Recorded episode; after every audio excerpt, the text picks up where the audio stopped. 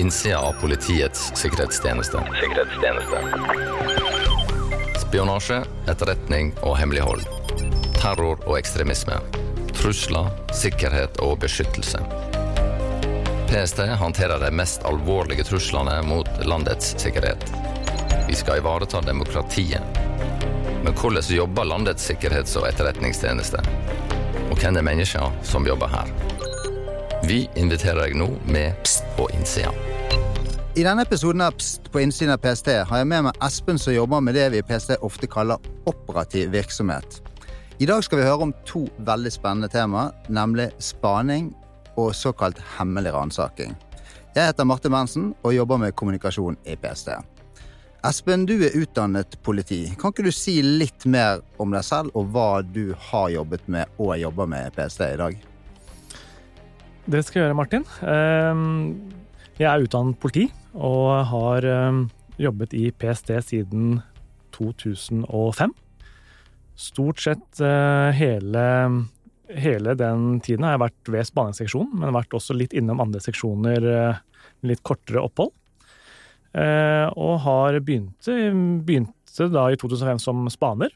Og så har jeg gått egentlig gradene med å være en, det vi kaller for en teknisk spaner. Jeg har vært eh, fagansvarlig for eh, taktikk og våpen. Vært fagansvarlig for spaningstaktikk. Eh, jeg har vært teamleder, jeg har vært mentor, eh, jeg har vært ASIS-leder, og nå er jeg NK på den spaningsseksjonen.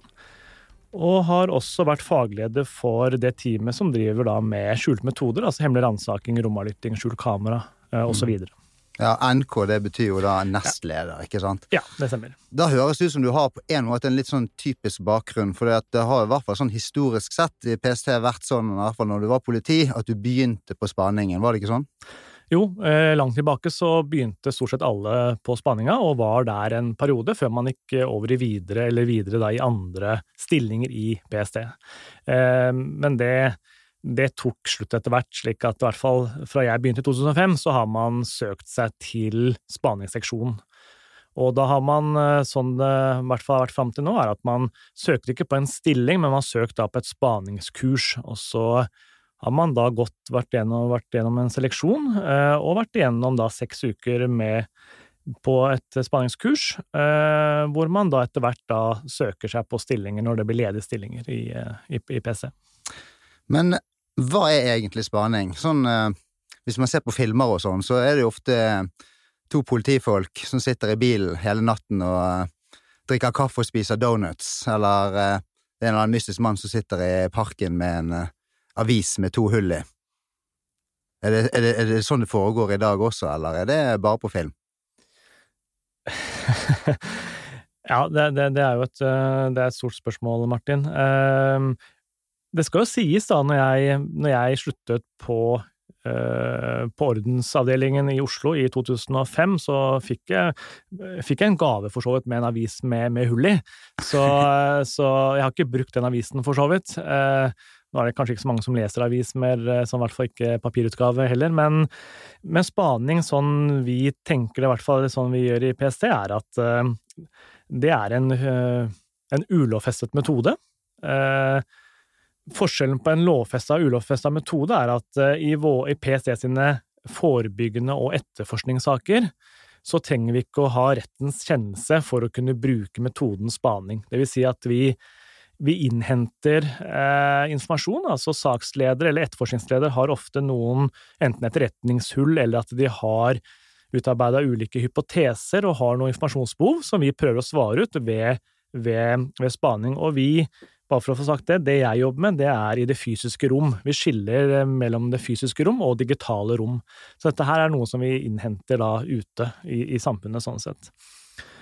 Spaning i dag blir jo ofte kombinert med, oss med flere metoder, altså at, vi, at den ulovfesta metoden, spaning, så bruker den ofte sammen med andre metoder som da er lovfesta, som vi må ha rettens kjennelse til å, å bruke. Og det avhenger jo selvfølgelig av alvorlighetsgraden av sakene vi jobber med, ikke sant? Ja. Det er jo også For, for, for hvilke saker er det man bruker spaning på? Hvis vi kan ta to hovedområder da, innen, uh, for, for, PST, så er det terrorsaker, og så er det da det vi kaller for ulovlig etterretningsvirksomhet, eller spionasje. Og størstedelen av våre saker er i det forebyggende sporet, at vi prøver å forebygge at ting skjer. Så fort det skjer en avveiende etterforskningssak, så har ting allerede skjedd. Så vi jobber jo mye forebyggende.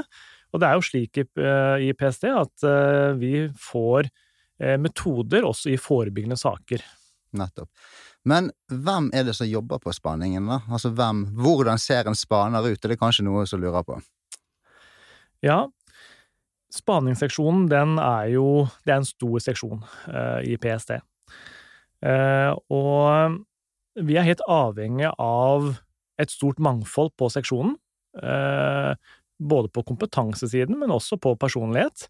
Slik at vi har personer i i hva skal vi si, ikke alle aldre, men i hvert fall et visst spenn. Eh, det er eh, Vi har helt avhengig av både kvinner og menn eh, som spanere. Så har vi personer med, med hva skal vi si, ulik etnisitet.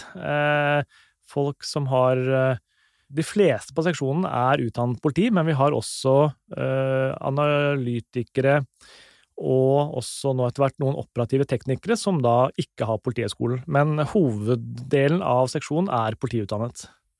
Det henger også litt sammen med at eh, blant annet så har vi jo Vi går jo i de høyst prioriterte sakene i, i PST. Og blant annet så hvis det er en spesiell type sak, og trusselen er stor, så er vi bevæpnet i de oppdragene vi går i. Ja, og der har jo der har jo politiet Det er jo politiet som kan bære våpen, ja. ikke sivile, ikke sant? Per nå så er det sånn. Ja. Men eh, snakket med deg litt eh, før sending i dag, så drev vi og diskuterte om man kunne, kunne fortelle noen historier fra spaningen. Og ofte så, så, tenker man på bilkjøring. Og eh, bil har jo sånn historisk sett vært sånn relativt viktig Hva skal man si, kaller man det innhentingsplattform, eller et eh, Hva kaller dere bilkjøring? For det, det er jo Dere må jo kunne kjøre bil. Må dere ikke det? Jo. Dere må ha lappen. Det, det, ser man allerede på seleksjonen hos oss. Ja. Så er det jo å legge seg stor vekt på, på eh, bilkjøring og hva slags uh, kapasitet man har. Mm. Uh, så er det mye fokus på bilkjøring, bl.a. en hel uke på kurset. Og vi har ganske omfattende med kursing og trening egentlig hvert eneste år på bilkjøring. Bilkjøring og spaningskjøring det er noe av det mest risikofylte vi egentlig gjør, fordi vi er i bil nesten hver dag. Og eh, vi har jo ikke blålys og sirene, men av og til så må vi kunne komme oss fort fram fra A til B for å gjøre en, en jobb da når vi kommer fram til B. Og det å utnytte trafikkbildet, utnytte de ulike situasjonene, det å kunne være litt frekk i trafikken, komme seg fort fram uh, uten bruk av blålys og sirene, det krever ganske mye kompetanse hos hver, hver enkelt. Så det er, bilkjøring har vi stort fokus på fortsatt. Selv om det er noen utfordringer i Oslo etter hvert, både med, med om vi får lov til å kjøre etter hvert i Oslo sentrum og, og parkering osv., så, videre, så, så så er selvfølgelig en, det er jo en plattform, du kan godt kalle det det. det men samtidig så kan det hende at vi går hele tjenestesett uten å kjøre bil i det hele tatt. Det kommer helt an på hvilken sak vi går i. Ja. Nei, jeg tenker jo på for for eh, den eh, observante lytter, så hører de kanskje på dialekten min at det er fra Bergen. Og jeg tenker kjøremønsteret i Bergen, det er kanskje det oppfatter jeg som en sånn utfordring av og til for bergensere selv. Du har noe som heter Sentrumsringen. Og jeg vet at for noen år siden så var det en ganske stor sak i Bergen hvor dere var. Det var i hvert fall en del spaningslag som var der en periode. Og hva var det som skjedde i Bergen? ja, ja Bergen, ja, Bergen er en spesiell by. Eh, for det første er det veldig mye sagt, tunneler, og vi erfarte vel i hvert fall at hvis du ikke er kjent i Bergen, og du begynner å først kjøre feil i Bergen, ja, da havner du plutselig opp i Voss. Nei da, ikke så ille, men du, du, da er det vanskelig å hente seg inn igjen, rett og slett. Pluss at i Oslo så kan du egentlig komme unna med veldig mye. Du kan omtrent egentlig gjøre hva du vil i trafikken. Kan hende en og annen tute på deg. Vi ønsker jo ikke å bli lagt merke til ved at vi er offensive i trafikken, hvis vi må det. Eh, for vi har jo muligheten til å fravike trafikkreglene hvis det er strengt tjenestelig eh, nødvendig. Så det er gode vurderinger som skal gjøres. Men i Bergen så hadde vi da, som du sier, et tilfelle hvor vi hadde en kvinnelig spaner som skulle komme seg fort opp til Flesland. Hvor man benytta seg av litt frekke, frekke kjøremønstre, kan man si. Hvor det endte med at hun ble sperra inne av to, to biler, hvor det var to ja, det var bergensere i sånn pluss-minus 60 år som skal ha seg frabedt å bli sneket Eller at man ikke skulle snike i trafikken der. Eh, nå hadde heldigvis, Hun var jo fra østlandsområdet, hadde det østlandsdialekt, så hun kom seg for så vidt fint ut av det ved at hun eh, forklarte at hun hadde glemt å hente svigermor på flyplassen, hadde dårlig tid og beklaget seg så mye osv. Så, videre. så vi landa vel sånn noenlunde, med begge, eh, sånn noenlunde på, på, begge beina. Men, men, men, vi erfarer nok i Bergen at man kan nok ikke tillate seg så mye Bergen som i Oslo, for å si det sånn. Nei. Jeg tror også det I Bergen så må du ha en god dekkhistorie, men du må kanskje ha gode dekkhistorier andre steder også. For jeg tenker på å spane et sted hvor det er mange folk, det er kanskje lettere enn å dra på et oppdrag i mer grisgrendte strøk. Eller hva tenker ja. du om det? Hvordan, hvordan, er det å komme til et sted hvor alle kjenner alle? Ja, det blir litt sånn by og land-problematikk. Eh, det er ikke nødvendigvis at man må reise langt av gårde i Norge for den problematikken. Det ser man kanskje litt også i Oslo. Eh, selv om Oslo er en storby, så finnes det også steder hvor hvor mennesker er veldig opptatt av nabolaget sitt, har veldig kontroll på nabolaget sitt, har kontroll på når naboen lufter hunden sin, eller hva slags bil eh, naboen har, eller om han har kjøpt seg ny bil, osv. Men vi ser jo kanskje i distriktene vi eh, Jeg jobber jo da ved den sentrale enheten som ligger i Oslo, eh, og vi bistår i hele Politi-Norge. Og eh, en stor fordel, sånn jeg ser det, er jo at vi har eh, PST-ansatte i alle politidistriktene. De har en enorm lokal ekspertise eh, sitt, eh, i sin by, sitt område, som vi må dra nytte av når vi er ute og reiser. Vi er helt avhengig av et godt samarbeid med en lokal enhet. Eh, de kjenner byen sin godt. Og vi trener en del med, med distriktene. Vi øver slik at vi er vi vet hvem vi er, vi har sett hverandre før, vi kjenner metodikken vår. Vi trener det slik at de har en en viss kompetanse, eller en grunnkompetanse, og så kan vi bistå med mer spesialiserte ting hvis det er behov. Og, men det er klart at jeg husker jo jeg husker et tilfelle hvor vi kom på en veldig, veldig lite uh, sted i Norge, hvor, hvor, vi hadde egentlig jobbet veldig lenge med ja, hvor skal vi hen? Altså planlegging er jo ofte en suksessfaktor for oss, da. Og eh, hvor skal vi hen, hvordan kommer vi oss dit, hva er naturlig eh, cover eller en historie for at vi er der, og så videre. Så vi hadde egentlig utarbeidet et veldig godt cover. Vi var vel, jeg husker ikke, jeg skal ikke gå nøyaktig inn på hva vi, hva vi var, men vi endte i hvert fall opp med å møte en lokal eh, ansatt der oppe, hvor vi bestemte oss for å ta drosje, eh, drosje inn til byen. Hvor vi hvor det viste seg selvfølgelig at den drosja som kom og henta oss opp, den kjente jo denne tjenestemannen veldig godt, og plutselig så hadde han tre stykker i baksetet som, som krevde at vi måtte spille ut det coveret ganske godt, og da er det litt utfordrende når, når, han, når det er en politiansatt da, som henta oss i det tilfellet. Jeg tror vi kom oss sånn noenlunde gjennom det, men eh, det, du må, ja, det byr på noen utfordringer, og du må kaste deg fort rundt, da. Ja. Du, eh, du snakket også om en Altså, vi går jo ikke inn i detaljer på hvordan, hva slags biler vi har, og om dette, hva slags type biler det er, osv., men du hadde en annen sånn bilutfordring. Det var et hasteoppdrag eh, hvor, en, eh, hvor, en, hvor, en spanings, eh, hvor et spaningslag måtte dra til nok en gang et lite sted. Uten bil, ja. men dere hadde behov for bil. Det er det som er litt spennende med jobben. Vi kom egentlig på jobb og fikk egentlig beskjed om å bare pakke sakene og komme oss på, til, til Gardermoen ganske fort og eh, skulle stykke av gårde. Og eh, vi trodde vi hadde gjort en god jobb. Vi hadde bestilt eh, leiebiler. Det var, den, det var den, sånn vi løste den gangen på det oppdraget. Vi bestilte biler videre. Dette var et lite sted i Oslo, nei, Oslo sier jeg, i Norge. Slik at når vi kom opp dit da, så sto vi da i innskrank, den skranken med leiebilene, og vi fikk Den ene etter den andre fikk jo da Fikk jo en eller annen eh, Volvo, husker jeg, eh, av et eller annet slag. Alle bilene var stort sett hvite, og alle hadde Jeg har aldri sett så mye Avis-klistremerker noen gang på, på, på bilen. Eh, så vi hadde, vi hadde en liten utfordring der, sånn, ja. Med å fjerne Avis-klistremerkene, eller? Ja, generelt. Eh, det er klart, det er, det er jo det er kanskje ikke heldig sånn sett å kjøre rundt med masse leiebiler, eh, sånn sett. Eh, vi prøver jo og speile inn så godt vi kan. Eh, men, eh, men ja, vi tok av Eividsmerket den gangen, ja. ja. Nei, med disse historiene her, så får du i hvert fall inntrykk av at én uh, ting er at man må ha væretillatelse for våpen og være politi, men, uh, men dere må også være ganske kreativ, høres det ut som. Ja, det er, det er, særlig to ting vi ser etter når vi rekrutterer og selekterer personell til, til spanningsseksjonen, og det er jo særlig det med den kreative biten, det å tenke utenfor boksen, samtidig som det er det å være en god lagspiller. En, eh, vi jobber jo eh, ut ifra de informasjonsbehovene og ut ifra det oppdragene vi skal løse, så setter vi sammen en team med ulik eh, form for kompetanse, profiler, alder, kjønn osv. Det er en viktig del av planleggingen av operasjonen vår, slik at at, eh, og det er kanskje det som er det som jeg synes er det mest fascinerende med spaningsfaget, det er at man setter sammen gode team og jobber tett sammen over tid.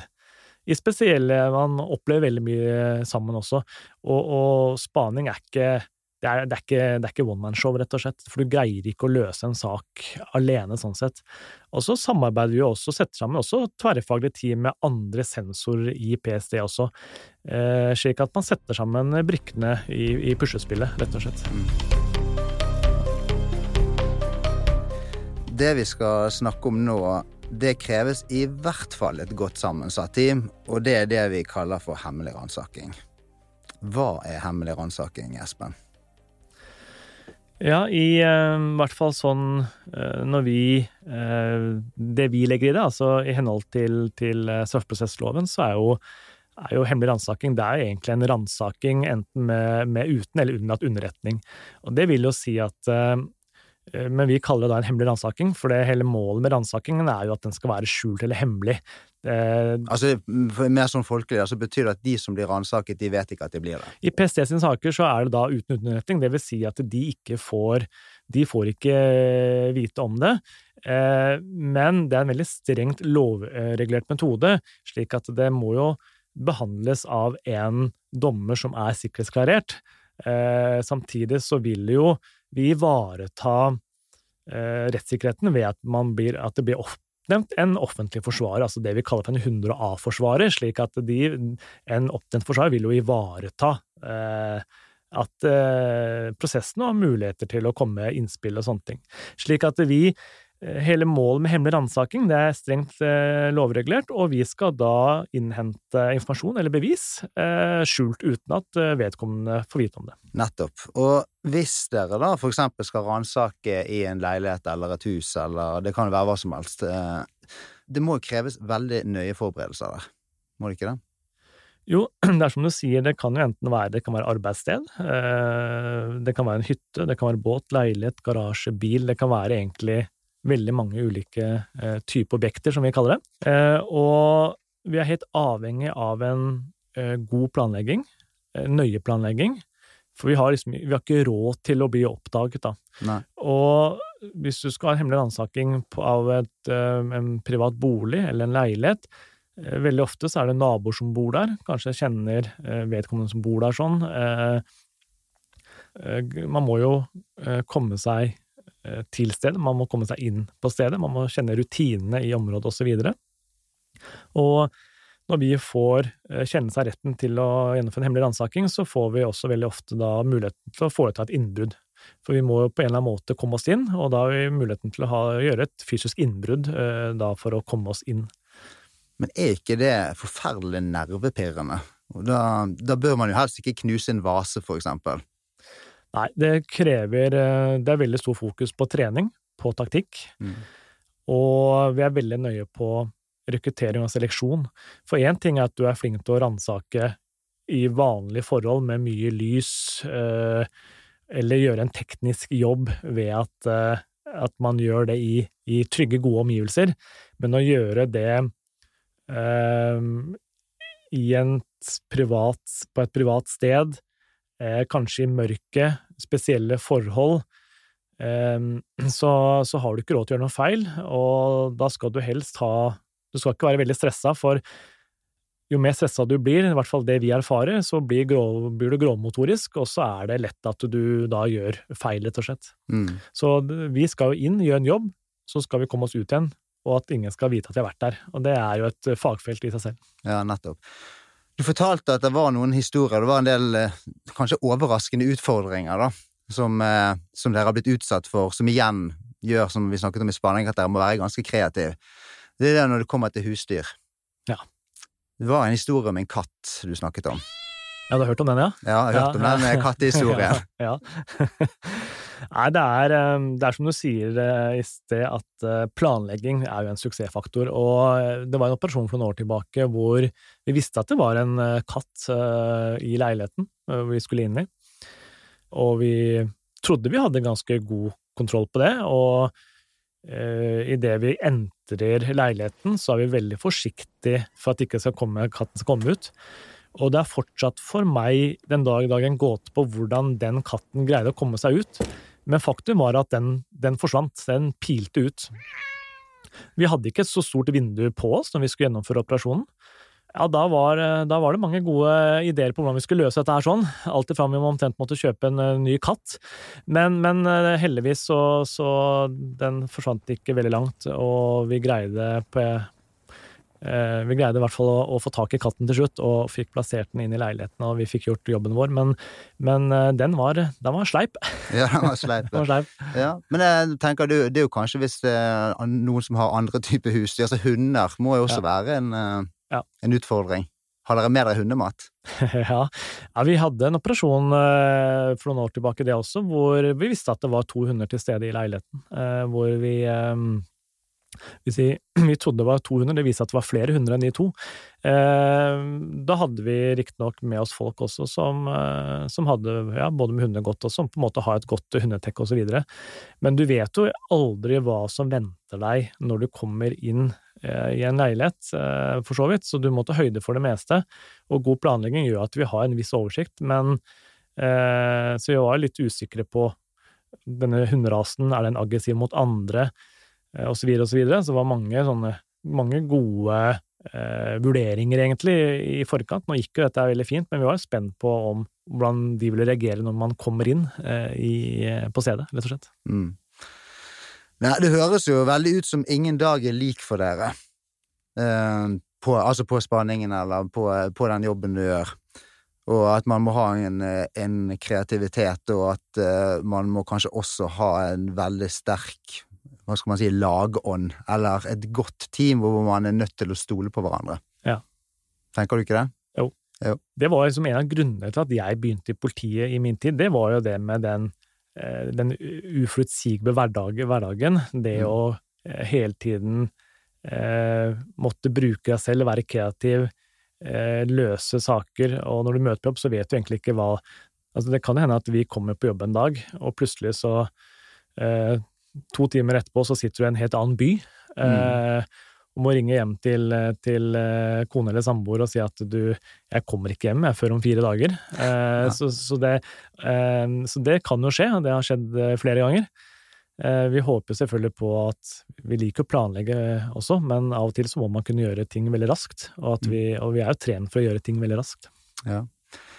Nå er det jo hele tiden en teknologisk utvikling også, som vi har snakket om, og at hvem vet, bilkjøring er kanskje ikke så aktuelt om eh, Kanskje ikke allerede så aktuelt eh, i dag som det var for ti år siden, og om ti år så er det kanskje ikke aktuelt i det hele tatt. Hva, eh, hva tenker du om fremtiden? Vil spaningen endre seg mye, lite, eller vil det være et Hva skal man si Det grunnleggende det samme? Hva tenker du? Vi har vel sett en ganske stor utvikling allerede de, bare de senere årene, og jeg tror nok utvikling går ganske fort. Men det er nok slik i dag at uh, sånn, uh, sånn jeg ser det, så er det Før var det mer fokus på, kan du si, å følge et objekt fra A til B, uh, og bruke mye ressurser egentlig på det. I dag så er det også andre metoder vi kan støtte oss på, slik at vi spisser da den innhentinga i mye større grad enn det vi gjorde tidligere. Vi snakker spaning snakker jeg mer som en, på en måte en ulovfesta metode. Det er en Mye av det er grunntaktikken vår, som på en måte skal ligge i bånn for egentlig alt vi gjør. Men det som er interessant for oss, det er ikke alt Det kan være interessant at vedkommende kjører fra A til B, men det er kanskje vel så interessant uh, når vedkommende kommer til B, og møter en person. Eh, det vi ser, er at tidligere så var folk kjørt mye bil, var mye ute. Vi ser på en del objekter at folk tilbringer mer tid inne. De er mer på, på telefon, på PC osv. Eh, men vi ser at mange jo, ønsker heller ikke å legge igjen så mye spor på eller i, i ulike chattefunksjoner og grupper. Så eh, når de virkelig skal diskutere hva skal jeg si, viktige ting, kanskje litt sensitive ting, så velger man å møtes fysisk.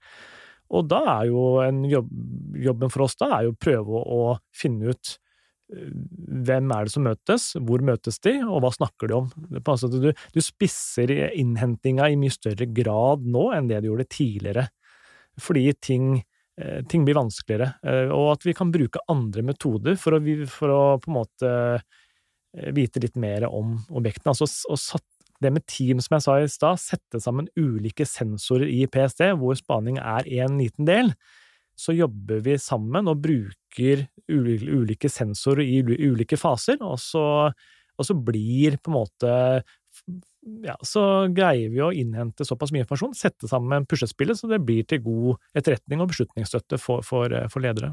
Ja.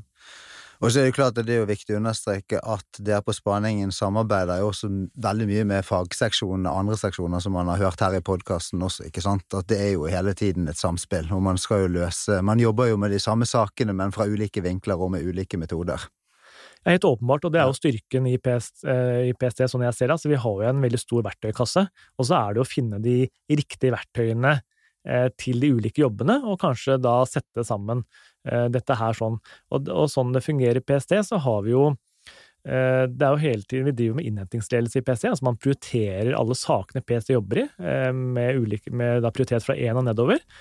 Og så er det da av og til så, så kommer vi kanskje inn tidlig i en sak. Eller så kommer vi kanskje inn underveis i saken, for da ser man at vår metode kan svare til informasjonsbehovene. Eller så jobber vi kanskje i hele saken.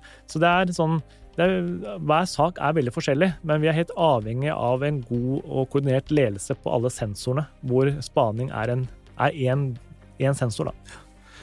Tusen takk for at du kom, Espen.